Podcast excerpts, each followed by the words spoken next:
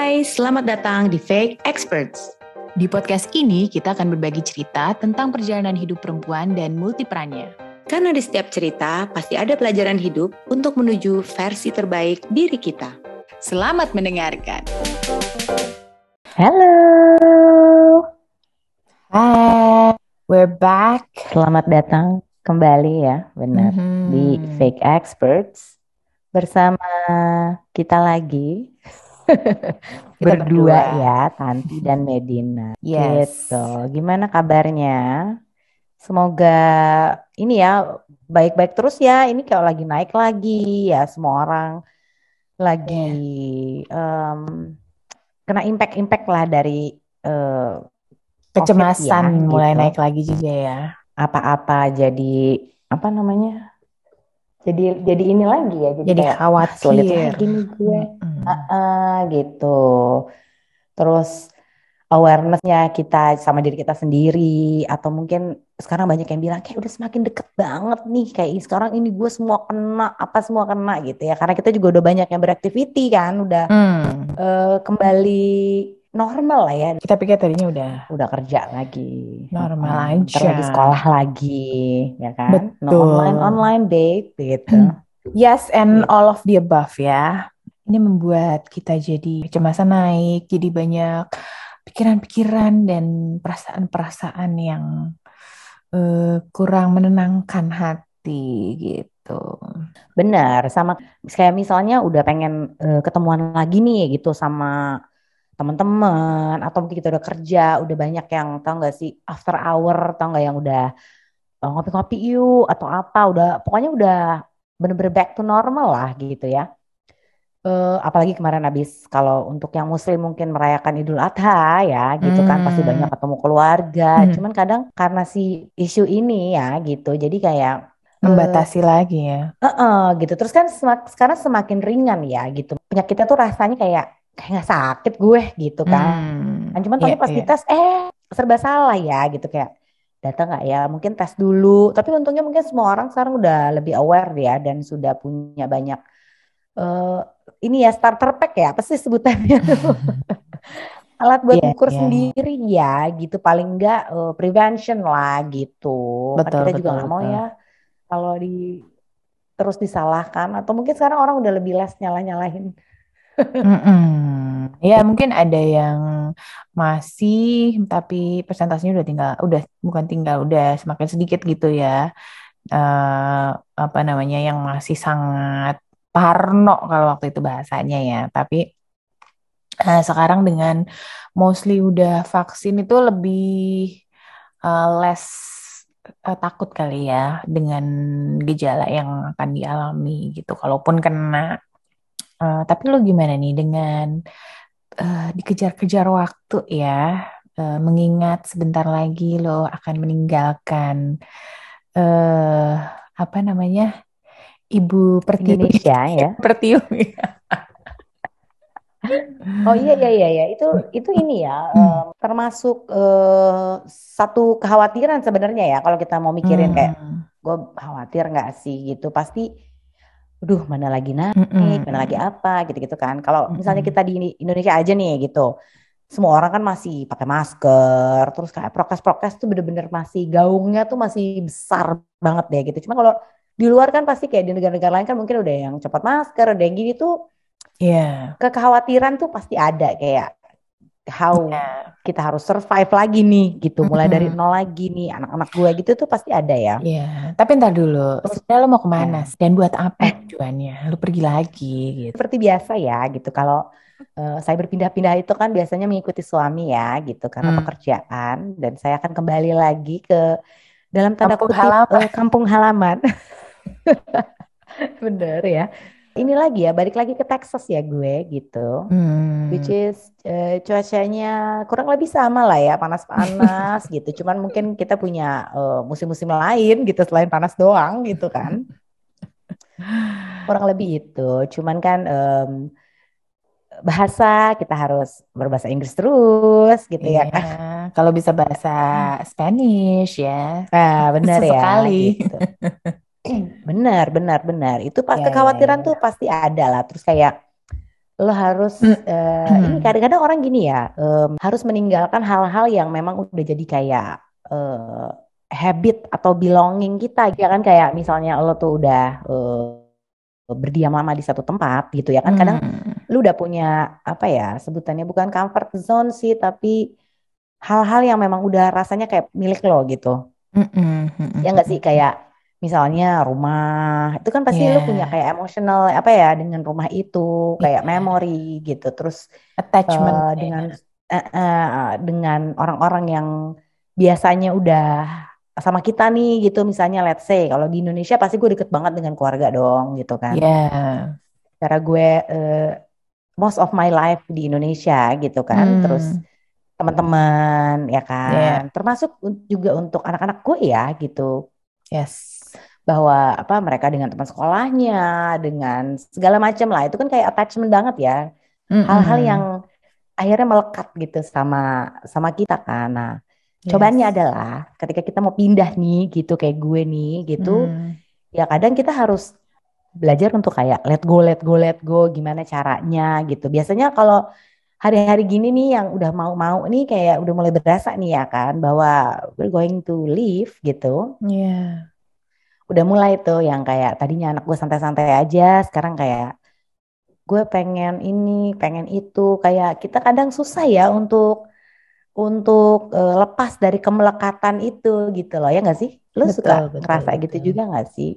Iya, iya, Mungkin iya. dengan Apalagi gue tidak suka dengan perubahan ya. Jadi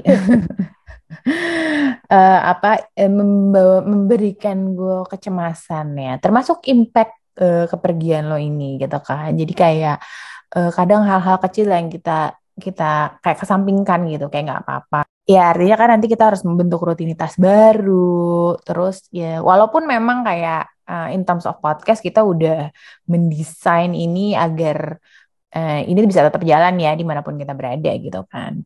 Uh, cuma ya itu ada perubahan-perubahan kecil yang uh, apa namanya ya semakin lu dewasa pastinya lu semakin bisa manage sih ya gitu. Tapi tetap ada rasa apa tuh uh, ya sedikit kekhawatiran pasti ada ya gitu. Uh, Ya itu dan gue juga orang yang susah untuk uh, say goodbye kan kayak kita pernah bahas juga tuh ya Em, apa namanya ya intinya dengan perubahan lah ya gue tuh kurang Iya, benar-benar. kurang ini kurang pintar gitu mengelola memanage ya, menyikapi kadang juga gitu. Iya. Iya benar-benar. benar. Ini tadi lo bilang kayak seiring dengan berjalannya waktu, kayak running terus kan waktu kan gitu. Kita juga Mm-mm. tambah tua, banyak hal-hal yang mungkin si attachment-attachment ini, kemelekatan ini tuh harus kita let go ya, perlahan gitu supaya at the end of the day ketika itu benar-benar hilang, em, lebih mudah untuk kita menerima ya gitu karena kita sudah terbiasa untuk eh, detach gitu kayak mencoba untuk melet go sedikit demi sedikit. Misalnya orang tua kan nggak selamanya kan hidup gitu ya kan. Iya. kayak misalnya eh, rumah nggak selamanya kita akan tinggal di sini gitu. Atau teman ya itu kita sempat bahas juga kan. Teman kan kadang ada yang eh, it's not our time lagi untuk bersama gitu-gitu kan. Kalau misalnya Hmm. tiba-tiba mendadak attachment itu tiba-tiba benar-benar hilang tanpa ada proses sebelumnya itu kan akan lebih menyakitkan ya. Betul sekali. Ya, ini jadi apa namanya satu topik sih ya. Gimana sih caranya kita untuk bukan berarti kita nggak boleh jadi orang yang passionate gitu ya. Lebih baik kita bisa memanage gitu ya. Tapi uh, beda lagi kalau misalnya kayak passionate dalam satu relationship atau hubungan kan ada tuh ya orang-orang yang kayak Duh, gue tuh susah move on gitu, kayak abis putus cinta atau apa. Itu kan Hmm. banyak ya, kayak cerita-cerita atau eh, apa sih statement-statement yang udah common kayak gitu, kayak susah move on. Nah, Atau biasanya Hmm. mungkin yang susah-susah move on ini karena terlalu attach. Jadi misalnya Iya. diputusin mendadak gitu.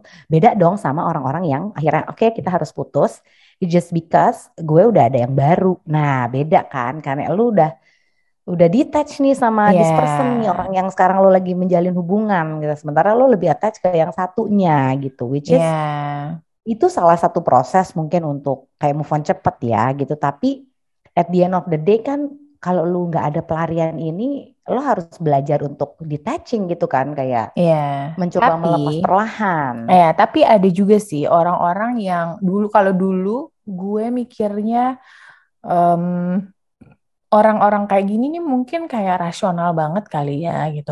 Kok dia putus?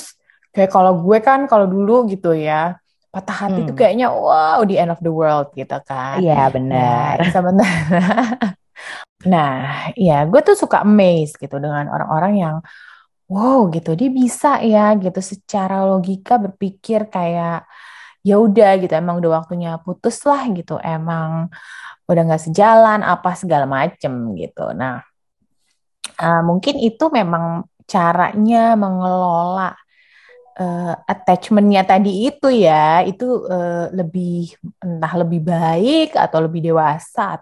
Bisa dengan apa ya lebih lebih tenang mungkin ya menyikapinya ya gitu, nggak Mm-mm. gerusak-gerusuk gitu kan kalau apa karena level of eh, kematangan diri juga gitu sehingga Mm-mm. mudah memisahkan atau mungkin secara objektif eh, bisa memisahkan eh, perasaan dengan reality gitu. Nah,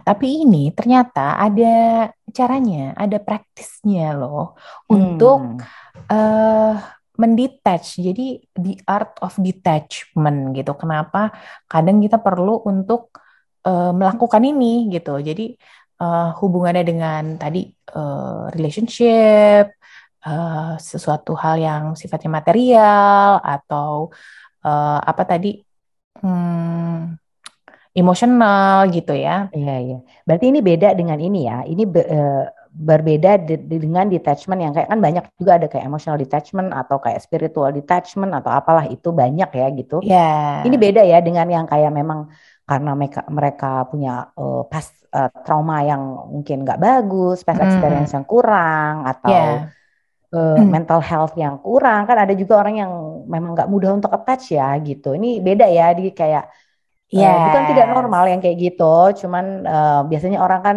manusia sangat mudah untuk attach gitu. Nah, ya, ya. sekarang gimana waktunya kita untuk agak let go sedikit gitu ya? ya.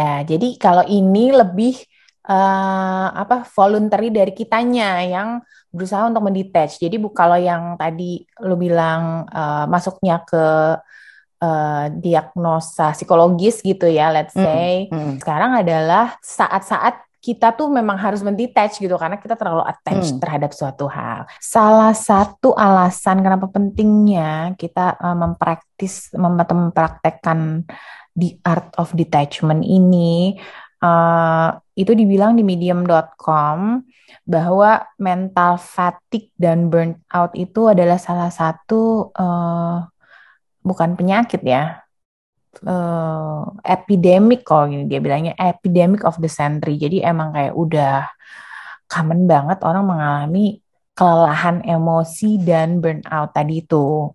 Karena dengan attachment itu kita tuh jadi merasa kita harus mengontrol semuanya kan. Ketika kita attach terhadap suatu hal tuh kayak eh ya this is eh, in my control gitu kan. Nah, itulah kenapa kita harus bisa mengelola eh, beberapa hal yang harusnya kita bisa let go lebih mudah lah gitu. Ya, ya, ya. Ini di juga ada nih di uh, merinsi.org Hmm. uh, bahwa tuh detachment itu juga bisa membantu untuk kita ya secara individu untuk berjalan ke arah personal growth gitu, buat kita Hmm. menjadi berkembang, kita menjadi diri kita mungkin yang lebih baik. Kadang kalau terlalu Ya. attach dengan uh, seseorang atau sesuatu kan kita kayak terkungkung di situ aja ya gitu, kayak kita nggak berani untuk mengambil decision karena kita takut kehilangan yang ini.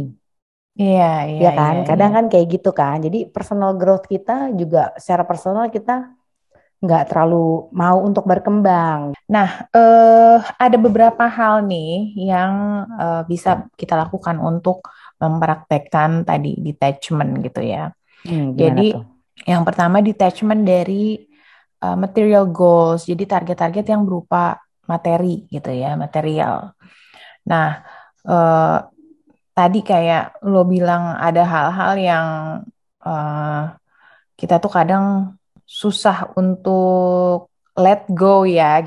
Makanya kita harus punya healthy relationship terhadap hal-hal yang sifatnya attachment tadi, eh, apa material attachment tadi gitu ya. Jadi financial wealth gue nih adalah definisi gue gitu sebagai orang. Nah, itu tuh kita harus bisa membedakan mana yang self, yang true self kita gitu, identitas kita sebagai uh, manusia dan mana yang memang itu sifatnya uh, materi gitu ya. Jadi kita harus detach tuh hmm. uh, untuk hmm. untuk bisa menseparate kedua itu gitu.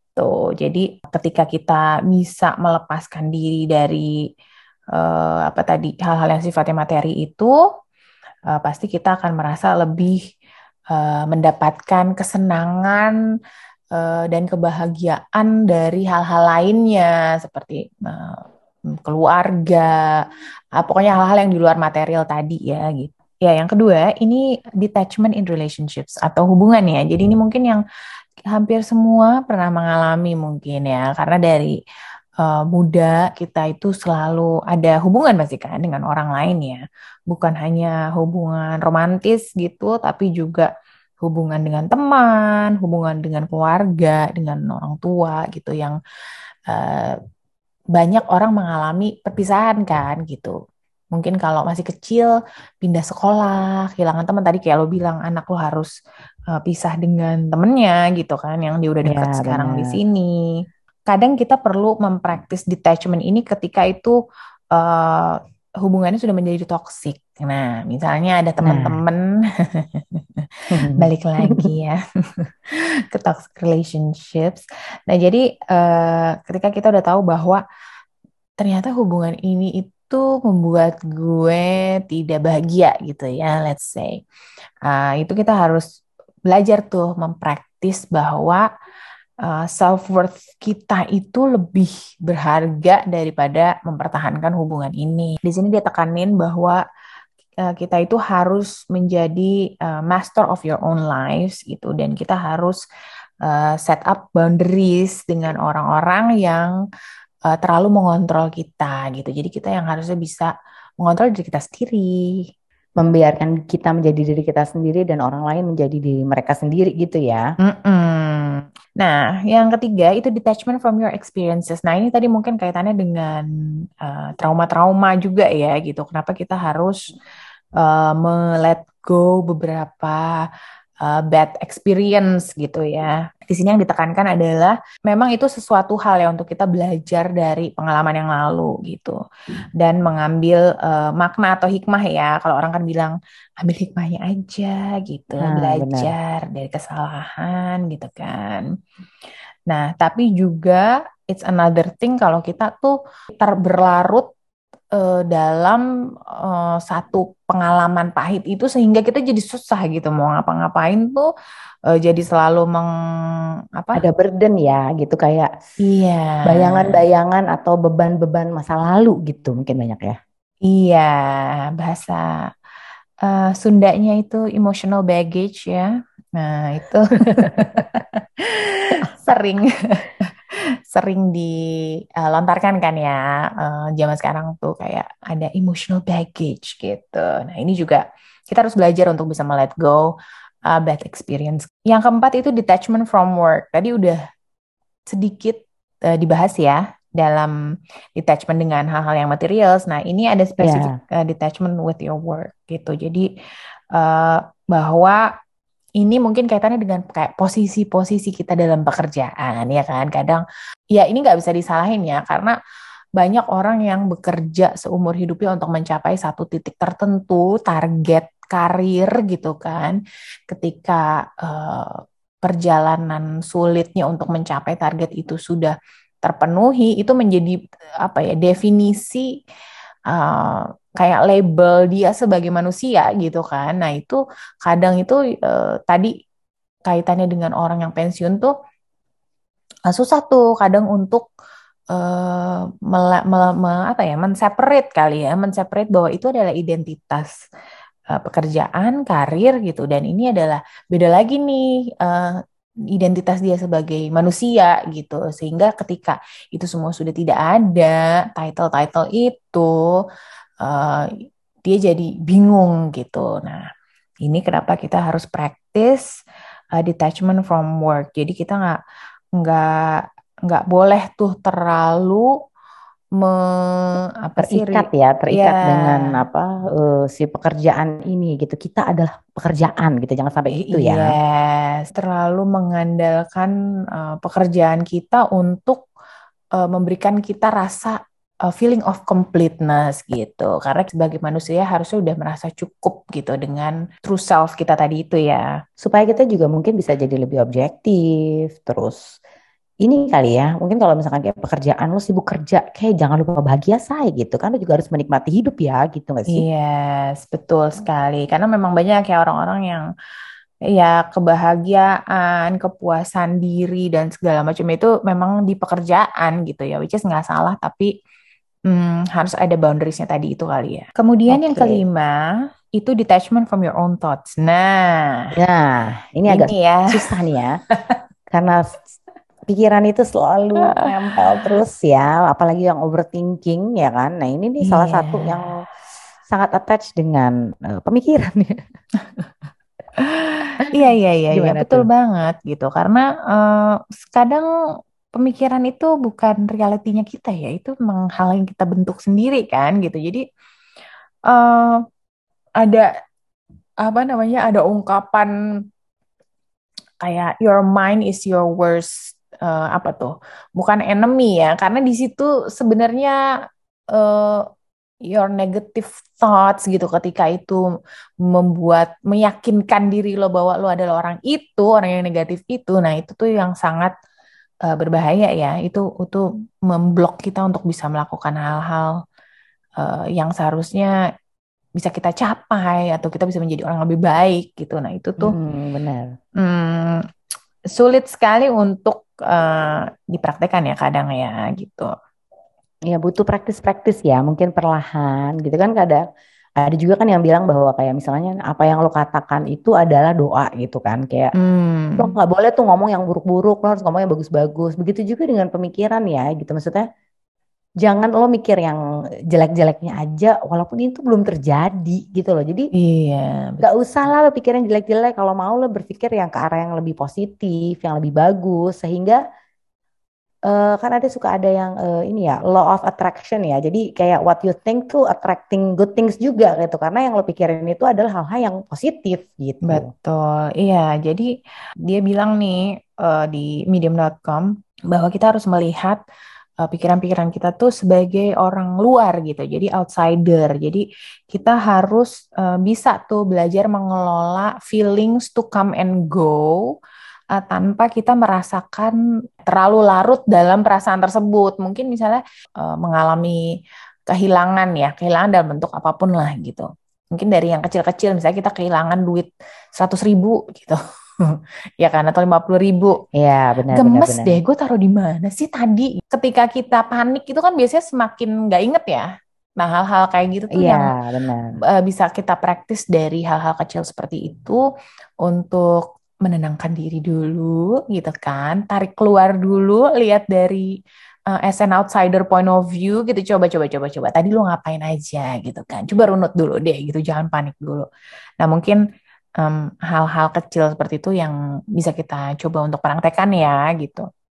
ya atau mungkin ini ya kalau mungkin misalnya eh, ya orang tua lah ya yang gampang nyontohinnya ya gitu kayak anak kita tuh ngerusakin sesuatu Mm-mm. pasti lo kayak ngamuk dong gitu kayak Iya. Oh my God, ya kita juga harus lihat kan anak ini umurnya berapa. Dia tuh uh, sense of responsibility-nya tuh udah seberapa besar gitu ya nggak sih? Hmm, iya. Kadang tuh kita suka ngamuk-ngamuk, marah-marah untuk hal-hal yang kita jadinya sama barang itu. Kan cuman barang ya. It's the thing that Iya. yang di copy beribu-ribu jutaan keping gitu ya. Jadi lo bisa beli baru sebenarnya. Instead of Hmm. anak lo yang kenapa-napa sebetulnya gitu kan. Jadi kayak Iya. mencoba lo switch deh pemikirannya gitu ya nggak sih kayak something happen with your kids ini kan lo nggak bisa beli lagi nih itu nih anak nggak dijual di mana-mana loh gitu. Jadi Yes. ya kan mungkin ada kayak satu pemikiran yang harus lo ubah juga gitu untuk membantu kita uh, detaching gitu untuk hal-hal yang biasanya kita sangat attach. Atau misalnya nih zaman-zaman sekarang mungkin kayak bags gitu. Aduh kayak tas gue rusak gitu. Aduh itu bisa dibeli deh gitu. Nggak usah lo mengorbankan uh, your child psychologically secara psikologis anak lo ya lo omelin terus abis itu Iya kan gitu yang the things yang Iya, kadang kalau secara psikologis itu udah broken it's gonna be so hard untuk dibenerin kan gitu. betul. Sementara kalau tas kan lo bisa beli baru terus exactly the same gitu-gitu loh Iya. yang eh ya kan bisa bisa lo bisa lo dapetin lagi gitu. Iya. Ini menyangkut Eh, material tadi. Betul. Itu juga larinya ke eh, material ya, selain tadi eh, apa namanya? belajar mengelola pikiran tadi ya, detach from your uh, thoughts gitu.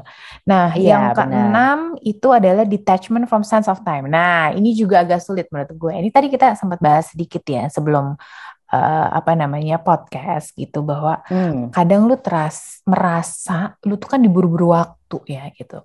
Uh, ini kayak lu lu udah mau pergi gitu kan. Terus kalau gua kemarin anak mau sekolah, mau mulai sekolah. Jadi kayaknya eh aduh nggak kerasa nih udah mau mulai sekolah minggu depan belum ini belum itu gue harus ini gue harus itu eh kadang hal-hal seperti itu membuat kita untuk lupa to enjoy the present moment nah ini juga Nah, itu penting banget sesuatu benar. iya sesuatu yang lagi banyak sekali di apa ya dihimbau untuk dilakukan ya being mindful present ya kayak gitu kan.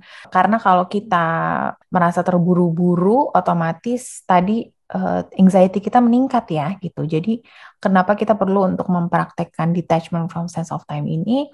Ya tadi itu untuk kita aware dengan eh, ada hal-hal yang kita nggak bisa kontrol and just enjoy more of the present time Karena kita mungkin nggak belajar dari small step itu ya gitu. Karena misalnya eh, kita kayak mikirnya future aja gitu loh. Nanti dia kayak gini nggak ada, gue udah harus siap besok. Besok tuh belum terjadi gitu. Jadi mendingan fokusnya di sekarang deh gitu. Anak lo udah makan belum sekarang gitu misalnya. Atau Hmm, lo sedang menikmati makanan lo gitu. hmm, Terus lo berpikir tentang hal-hal yang di masa depan yang belum tentu terjadi gitu, ya kan? yeah. Kayak ngapain gitu loh. Lo buang-buang momen lo sedang makan enak nih gitu. Lo Iya. buang-buang gitu. Jadi rasanya kayak makan tuh nothing. Padahal kan lo harusnya enjoying the moment tadi yang lo bilang kan bahwa waktu sekarang ya udah. Terus kalau misalnya ya nanti kan anak gue harus beberes, ya udah lo selesaiin sekarang, lo enjoy yang ada sekarang, and then the solution itu akan datang sendiri sebetulnya. Iya, Ya nggak sih? Kadang tuh lo suka berpikir nggak sih kayak gue suka ribet deh. Eh, Nanti anak gue kayak gini, nanti anak gue kayak gitu. Ya yang tadi lo bilang juga kayak kecemasan lo jadi meningkat dong. Nanti gimana dia Hmm. gini? Bisa nggak dia kayak gini gitu kan? Atau gue bisa nggak nih coping dengan eh, adapt dengan situasi baru, dengan ini baru? Kayak jalanin aja say, nanti solusi datang sendiri gitu sebetulnya. Banyak momen-momen yang kita paksakan. Kadang kita suka memaksakan ya nggak sih? Kayak udah deh gue paksain aja deh. Akhirnya at the end of the day misalnya lo jadi sakit Yes. Karena lo terlalu busy mikirin hal-hal yang in the future, busy pleasing other people, nggak enjoying your moment, ngoyo badan lo. Akhirnya kita jadi sakit and then we get nothing. Kita nggak, yang nggak jadi udah sakit tuh kan nggak bisa ngapa-ngapain ya. Iya, Karena iya, kita iya, sibuk iya. fulfilling things yang kadang nggak penting, kadang ya nggak sih itu manusiawi banget sih. Termasuk gue gitu, atau mungkin lo juga merasakan hal yang kayak gitu, yang akhirnya kita kayak aware, and then oke kita harus step back nih, nggak bisa kayak gini. Mendingan kita udah deh yang sekarang depan mata aja dulu kita kerjain gitu. Iya, ya, dan itu biasanya ya saat-saat di mana badan udah mulai lelah ya, tadi burn out, nah itu baru tuh ngerasa. Padahal seharusnya eh, nggak nggak perlu ya sampai kayak gitu sebenarnya. Nah ini tadi eh, kenapa kita perlu belajar untuk praktis eh, detachment from sense of time tadi. Seperti kata-kata uh, quote yang sering kita dengar juga, the right uh, moment will come at the right time. Tuh, jadi Iya nggak perlu benar-benar. kita kejar-kejar gitu waktunya gitu. Tenang Iya, aja. time will tell, time will come gitu ya. Iya, betul. Ya kan? Masa Kenapa depan kan itu akan datang ada? pada waktunya gitu. Mm-mm. Benar, yang harus kita lakukan adalah eh, ya yang sekarang nih karena apa yang kita lakukan sekarang itu menentukan apa yang terjadi di masa depan, bener gak sih? Iya, benar benar benar benar Gitu, itu yang kadang orang suka lupa ya gitu, makanya sibuknya mikirin masa depan aja gitu. Yes. Terus, mungkin untuk konklusi kali ya, jadi dari yang tadi kita omongin kayak ada material detachment, emotional, um, terus ada eh, time tadi Hmm. juga gitu ya. Kenapa sih jadinya kita sebenarnya butuh si detachment ini gitu? Mungkin kalau dalam relationship itu bisa membantu kita untuk nggak taking things personally, ya kan? Jadi Yeah. nggak semua mua tuh jadi baper gitu loh. Karena kita Yes. ada si let go inilah. Jadi ada momen kita di mana bisa melepaskan. Terus bisa juga tadi yang udah sering banget disebut bahwa eh, detachment ini juga bisa eh, membantu kita untuk mengurangi kecemasan ya gitu atas apa pun yang ada di pikiran kita tadi Hmm. ya kayak yang thought tadi gitu ya. Terus apa yang mungkin orang lain katakan tentang kita gitu bisa juga gitu kan. Iya, Jadi worry-worry ini lebih bisa berkurang. yes. Terus bisa juga kayak tadi yang past experience tadi itu juga bisa tuh eh, memungkinkan kita untuk lebih move on, Hmm. eh, lebih cepat let go dengan Mhm. em, negatif atau bad memories atau experience. Jadi kita nggak terkungkung di situ aja. Itu juga bisa ngebantu itu. Eh, emotional detachment juga bisa kita eh, membuat kita untuk jadi nggak bias ya. Kalau kita terlalu emotionally Ya. attached kan kita kadang suka opinion kita aja bias. Ah si ini baik kok karena kita teman mereka dia yang kita udah baik banget, attached Mm-mm. banget. Nah, Mm-mm. ini membuat kita juga jadi lebih nggak bias, lebih objektif gitu. Terus kita juga bisa ini ya membantu kalau kita terlalu sebel juga kan, misalkan gue sebel banget nih sama lo, itu kan itu juga ada attachment juga ya dengan kebencian itu kan. Nah itu juga bisa eh, membantu kita untuk dealing dengan hal-hal yang ketika kita berhadapan dengan hal-hal yang sulit atau orang yang eh, nyebelin gitu misalnya menurut kita, itu juga bisa membantu untuk ketika kita berhubungan itu jadi lebih tenang juga, lebih eh, objektif gitu. Ya, Nih, ini betul. penting juga yang terakhir adalah untuk memprotek diri kita dari tenggelam dalam tenggelam atau Terkuras kayak ya. ex- terkuras energinya gitu ya atau Hmm. kayak misalnya exhausted gitu ya. Mm-mm. Eh, ketika kita berada di satu lingkungan yang mungkin isinya orang-orang stres gitu ya, kita kan nggak tahu ya dengan lingkungan mana kita akhirnya berlabuh gitu ya. Mungkin eh kayak gue bersandar di lingkungan-lingkungan orang stres begini gitu, mungkin dengan Mm-mm. problem orang tadi. Nah itu juga bisa memprotek kita tuh ketika kita detach, nggak terlalu ada di dalam situ. Yang tadi lo bilang juga kan, kita harus ada di Yes. luar nih gitu kan Mm. dari permasalahan itu. Nah, dengan dites itu kita bisa berada di keadaan lah, momen, keadaan, event yang sebenarnya nggak bagus buat kita atau mungkin bahasa sekarang yang toxic gitu kali ya. Iya, iya, iya. Kita mencoba untuk attach terus, tapi mungkin at some point kita harus mencoba untuk detach juga untuk melindungi inilah ya kesehatan mental. Selalu ya, eh, menjadi tips dan triks kita untuk eh, selalu aware dengan kesehatan mental kita. Benar, personal personal growth juga ya, gitu supaya Mhm. kita jadi orang yang lebih baik, baik, baik. Improve namanya? terus ya. Iya, benar. Semoga eh, bisa belajar, kita semua bisa belajar ya. Ini selalu menjadi kayaknya pembelajaran terus ya untuk bisa eh, once soalnya gini, once kita udah ngerasa bisa bisa menguasai satu hal, terus kita merupakan hal apa kayak skill yang lainnya gitu. Semoga bisa jadi reminder juga Iya, buat kita ya, gitu. the Kayak lebih aware juga mungkin apakah aku terlalu attach atau enggak, apakah aku butuh menarik sedikit gitu ya kan. Yes. Selamat mencoba ya, semoga kita bisa eh, ini ya proses detachment itu kan agak susah ya gitu kadang kan gitu. Mm-mm. Semoga kita bisa berlatih Semoga. terus. Iya, benar. Semua butuh proses gitu. Eh, take your time. Yes. Good luck. Bye. Please subscribe our podcast, Fake Experts, and follow our Instagram at fake.experts. Fake Fake experts. Experts.